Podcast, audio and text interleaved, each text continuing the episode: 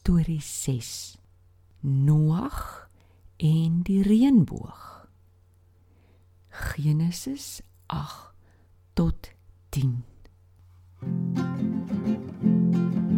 Lekker lekker storie tyd.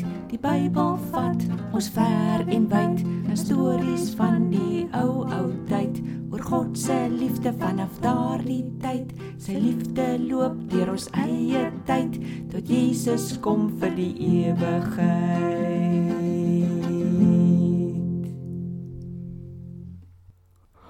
Akkus hier, akkus hier. Hallo Tobias, jy is hier. Ons hoor ja. Hallo Ngots. Hallo Tannie. Tannie Gordon. Ek kan nie dag om te hoor dat het Noag eers gedoen nadat hy uit die ark uitgekom het nie. Nou maar as jy so vreeslik nuuskierig is, kan ons seker begin vertel. O lekker. Ek sal doodstil sit.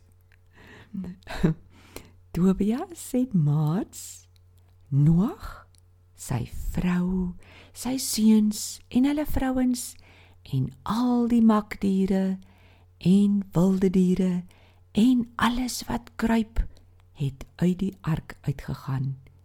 Die Here het gesê hulle moet almal baie babas kry dat die aarde weer vol kan word van diere en mense.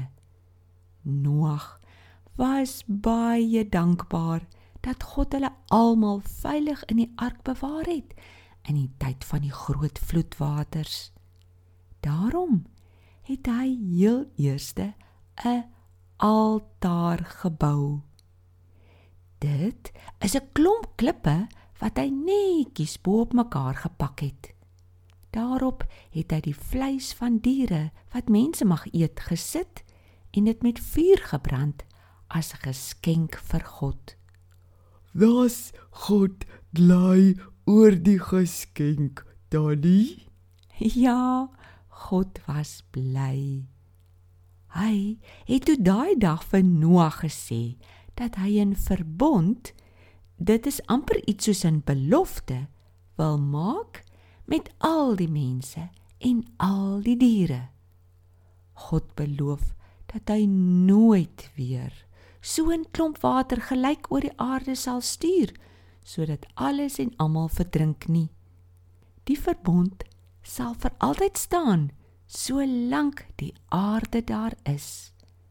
God het 'n wonderlike teken gegee wat vir hom en vir die mense altyd die belofte sal laat onthou. Dat se teken, Daddy. Wat sien ons in die lug as dit net klaar gereën het? Dolke? Ja, maar wat nog? Mm, 'n reënboog? Ja, die reënboog. God het vir Noag gesê: Dit is die teken van die verbond tussen my en julle. Ek het my reënboog in die wolke gesit elke keer as klomp wolke so bymekaar is en ek sien die reënboog, dan sal ek dink aan my verbond, my belofte. O, wonderlik, fantasties. God het daarom 'n daai mooi teken gekies. O, sy reënboog is vermy so mooi, net sy sede mooi klere. Ek is daarom bly oor daai lustig van God. Maar tannie, dater werk het Noag gedoen toe hy nou klaar geoffer het. Tobias, Noag was 'n boer. Hy het met druiwe geboer. Hy was die heel eerste ou wat wingerd geplant het die druiwe gevat het en wyn gemaak het. Sjoe, ek het nie geweet dat wyn daai tyd al gemaak is nie. Ja. Maar die eerste lelike storie oor wat te veel wyn doen, kom ook van daai tyd af. Noag moes heerlike wyn gemaak het want hy drink toe hopeloos te veel daarvan. Hy raak toe dronk. Maar soos dit met dronk gaan, weet mense altyd wat jy doen nie. Hy trek toe sy klere uit en vergeet skoon om weer aan te trek. En gaan lê net so sonder klere in sy tent en slaap. Gam, sy jongste seun kom toe in die tent in. Hy was verstom toe hy sien dat sy pa so waar vergeet het om klere aan te trek. Hy loop toe uit en gaan soek sy broers. Hy vertel vir hulle: "Weet julle, pa het te veel van daai wyn van hom gedrink. Nou lê hy in die tent sonder 'n draad klere aan. Kan julle dit nou glo?" "Dat doen Josef in sing toe." Het hulle gelag? Nee, Tobias. Hier kry ons die eerste mooi storie van kinders wat nie lelik was met hulle ouer nie, al het hy 'n fout gemaak. Ons praat van respek vir jou ouers hê. Die twee, Jafet en Sem, het nie gelag nie. Hulle het ook nie in die tent ingegaan om vir hulle pa te gaan kyk nie. Hulle het 'n stuk klere gevat, dit saam-saam agter oor hulle skouers gehou en agteruit in die tent ingeloop. Toe kon hulle alpa mooi toegooi met die klere sonder om vir hom te kyk.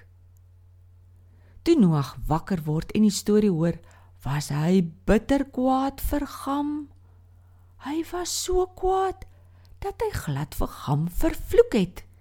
Dit beteken nie hy het hom gevloek nie, maar hy het lelike goed oor sy jare vorentoe, sy toekoms gesê. Noag het gesê dat Gam nie vir homself nie, maar vir sy broers sal moet werk. Hy gaan hulle slaaf wees.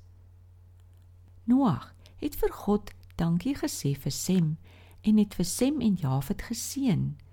Dit beteken hy het mooi goed oor hulle toekoms gesê.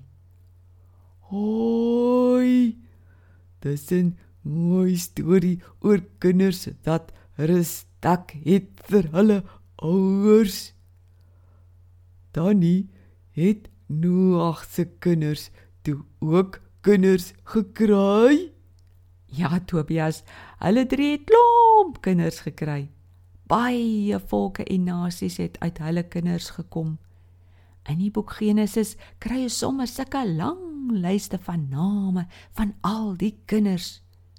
So kom die Grieke byvoorbeeld van Noag se oudste seun Jafet af. Sem, die tweede seun, het ook klomp kinders gehad. Al die Jode kom van hom af. Dan die jongste seun Gam. Uit sy kinders kry ons byvoorbeeld die Egiptenare.